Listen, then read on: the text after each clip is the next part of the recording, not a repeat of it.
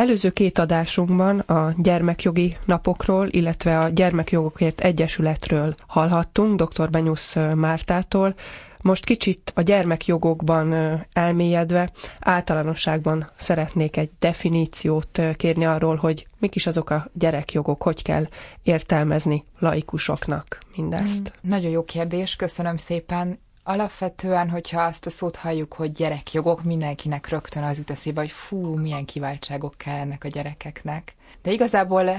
úgy is definálhatnánk a gyermekjogokat, mint szükségletek. Ezek olyan alapvető dolgok, ami az ENSZ gyermekjogi egyezményében katalógusszerűen leírásra került 1989-ben, amik ahhoz szükségesek, hogy a gyermekek egyszer majd felnőtté érve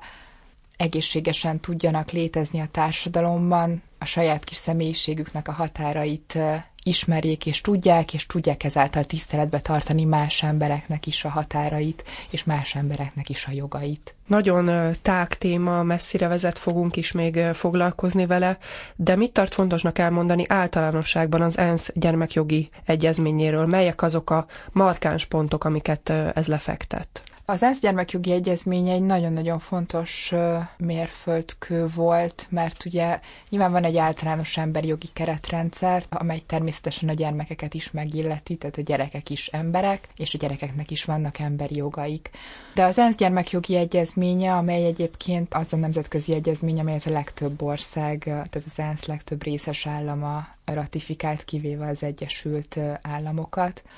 vannak általános emberi jogok, de hogy arra mindenféleképpen szükség volt, hogy a gyermekeknek, a gyermekkornak egyfajta speciális védelmet adjunk, és ezért született az ENSZ gyermekjogi egyezménye, hogy ezekre a speciális igényekre megfelelő módon reflektáljunk. Megteremtette az úgynevezett résztvevő gyermek fogalmát, bevonta a gyermek véleménynyilvánításhoz való jogát, tehát egyfajta aktív, az életének egy aktív szereplőjeként tekint a gyerekre, és azt mondja, hogy a felnőtteknek azokban a kérdésekben, amelyek a gyerekeket érintik, mindenféleképpen meg kell kérdezniük az ő véleményüket, és a gyerekjogokkal kapcsolatban is fajta állandó diskurzusban kell velük lenniük. Úgyhogy mindenféleképpen elmondható, hogy az ENSZ gyermekjogi egyezménye egy nagyon-nagyon fontos dokumentum volt. Melyek a megkerülhetetlen közép-európai kötődések ennek kapcsán? Ilyen számomra ez különösen egy fontos pont, hogy lássuk azt, hogy hogy az ENSZ gyermekjogi egyezménye alapvetően itt szökkent szárba. Méghozzá Lengyelországban, ami azért is egy nagyon érdekes dolog, mert ugye egy előző adásban említettük már Mikhail Pavel Pavlak urat, aki a, a lengyel gyermekjogi ombudsman, és alapvetően a lengyel gyermekjogi ombudsmannak vannak Európában a legszélesebb jogosítványai a gyermekjogok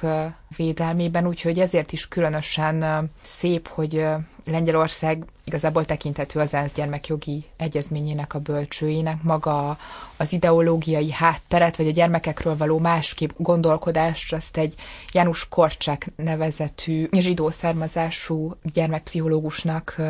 köszönhetjük, aki egy varsói járvaházat alapított, és egy teljesen más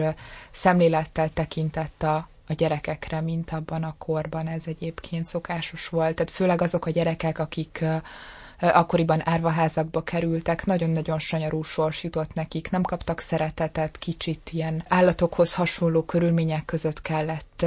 élniük, és ő volt az, aki rámutatott arra, hogy hogy a gyerekeket nagyon is kell szeretni, és egészen másképp kell róluk gondolkodni, mint ahogyan eddig a felnőttek tették, és hogy mindaz, ami a gyermekkorban történik, aztán egész életünkre meghatároz minket. Két nagyon fontos műve volt, ami meghatározza és elindítja úgymond az ENSZ gyermekjogi egyezményének ezt a gyermekeket középpontba állító ideológiáját. Az egyik az az, hogy hogyan kell szeretni egy gyereket, azzal a valódi odafordulással, ami azt is jelenti, hogy a gyerek jogait maximálisan tiszteletben tartjuk, a másik pedig az, hogy a gyermekeknek igenis joga van arra, hogy a felnőttek tisztelettel bánjanak velük. Ez az egyik közép-európai aspektus, ami nagyon fontos és kiemelendő, a másik pedig, hogy maga a gyermekjogi egyezménynek a szövege, illetve aztán a, az ENSZ nek, aki benyújtotta ország, az is Lengyelország volt, de maga a szövege is egy, egy lengyel jogtudóshoz, Tadeusz Smöcsönyszkihez kötődik, akinek február végén volt a, a 85. születésnapja. Ő alapvetően úgy írta meg az ENSZ gyermekjogi egyezményét, hogy az egy családbarát dokumentum legyen. Azt gondolom, hogy itt ebben a stúdióban ezt nagyon-nagyon fontos kiemelni, hogy alapvetően az ENSZ gyermekjogi egyezményének egyik leges legfontosabb alapelve az, hogy a gyermeknek a legjobb helye a saját családjában van, és alapvetően, hogyha azt szeretnénk, hogy a gyerekeknek a jogai maximálisan tiszteletben legyenek tartva, és valóban érvényesüljenek, akkor a családok megerősítésén kell a legtöbbet dolgoznunk, és azért kell sokat tennünk. Ez alapvetően egy nagyon fontos dolog volt, hogy ez igazán egy kompromisszumos szöveg legyen, mivel minden gyereknek, tehát a világ minden gyermekének a jogairól szó volt, és hát nyilván azt tudjuk, hogy nagyon különböző kulturális háttérrel rendelkező életkörülményekből jövő gyerekek voltak, illetve vannak is, de az, az rendkívül fontos volt, hogy meg tudjunk állapodni abban a azt gondolom minimum standardben, ami igenis minden, minden gyereknek jár. És abban, hogy ez a szöveg megszületett, még egy nagyon fontos közép-európai aspektus van, ez pedig az, hogy a Szentszék is nagy szerepet vállalt a szövegnek a, a megtárgyalásában, illetve aztán az elfogadásában, és akkor Közép-Európa adta azt gondolom, hogy a 20. századnak az egyik legjelentősebb pápáját, második János pápápa volt ekkor hivatalban, és az ő szerepe az abszolút elvehetetlen is, és nagyon-nagyon fontos. A lengyel vonatkozást kidomborítva érdekelne, hogy jogászként mi erről a véleménye említette azt, hogy a lengyel gyermekjogi ombudsmannak milyen aktivitása, milyen széles hatóköre van. Most jó gyakorlatként egyéb állam miért nem veszi ezt át, vagy miért nem alkalmazunk akár mi is magyarok lengyel mintára azt, hogy gyermekjogi ombudsmannak teret adunk, lehetőséget adunk, és több esetleg hatókört? Ez egy nagyon-nagyon jó kérdés egyébként, tehát hogy ezt akár én is feltehetném a a döntéshozóknak. Egyébként Magyarországon az alapvető jogok biztosának hivatalában, de az általános ombudsmanban van egy esélyegyelőségi és gyermekjogi főosztály, ahol a gyermekjogi osztály viszi ennek a, a feladatkörét,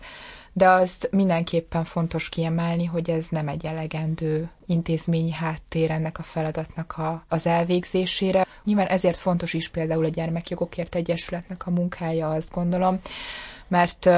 egy kicsit ebből át tud venni, tudja kommunikálni a gyermekjogoknak a fontosságát a, a, a társadalom felé, de alapvetően azt gondolom, igen, hogy ez valóban egy, egy állami feladat, és valóban a lengyel minta az egy nagyon-nagyon-nagyon jó minta. Most ugye ez a nagyon szomorú helyzet, Ukrajnában háború van, és nagyon-nagyon sok gyerek jött át Lengyelországba, és a lengyel gyermekjogi ombudsmannal beszélgetve azért az teljesen egyértelmű volt, hogy óriási nagy mind szabályozási, mind konkrét technikai segítségnyújtó szerep és feladat hálult a gyermekjogi ombudsmanra.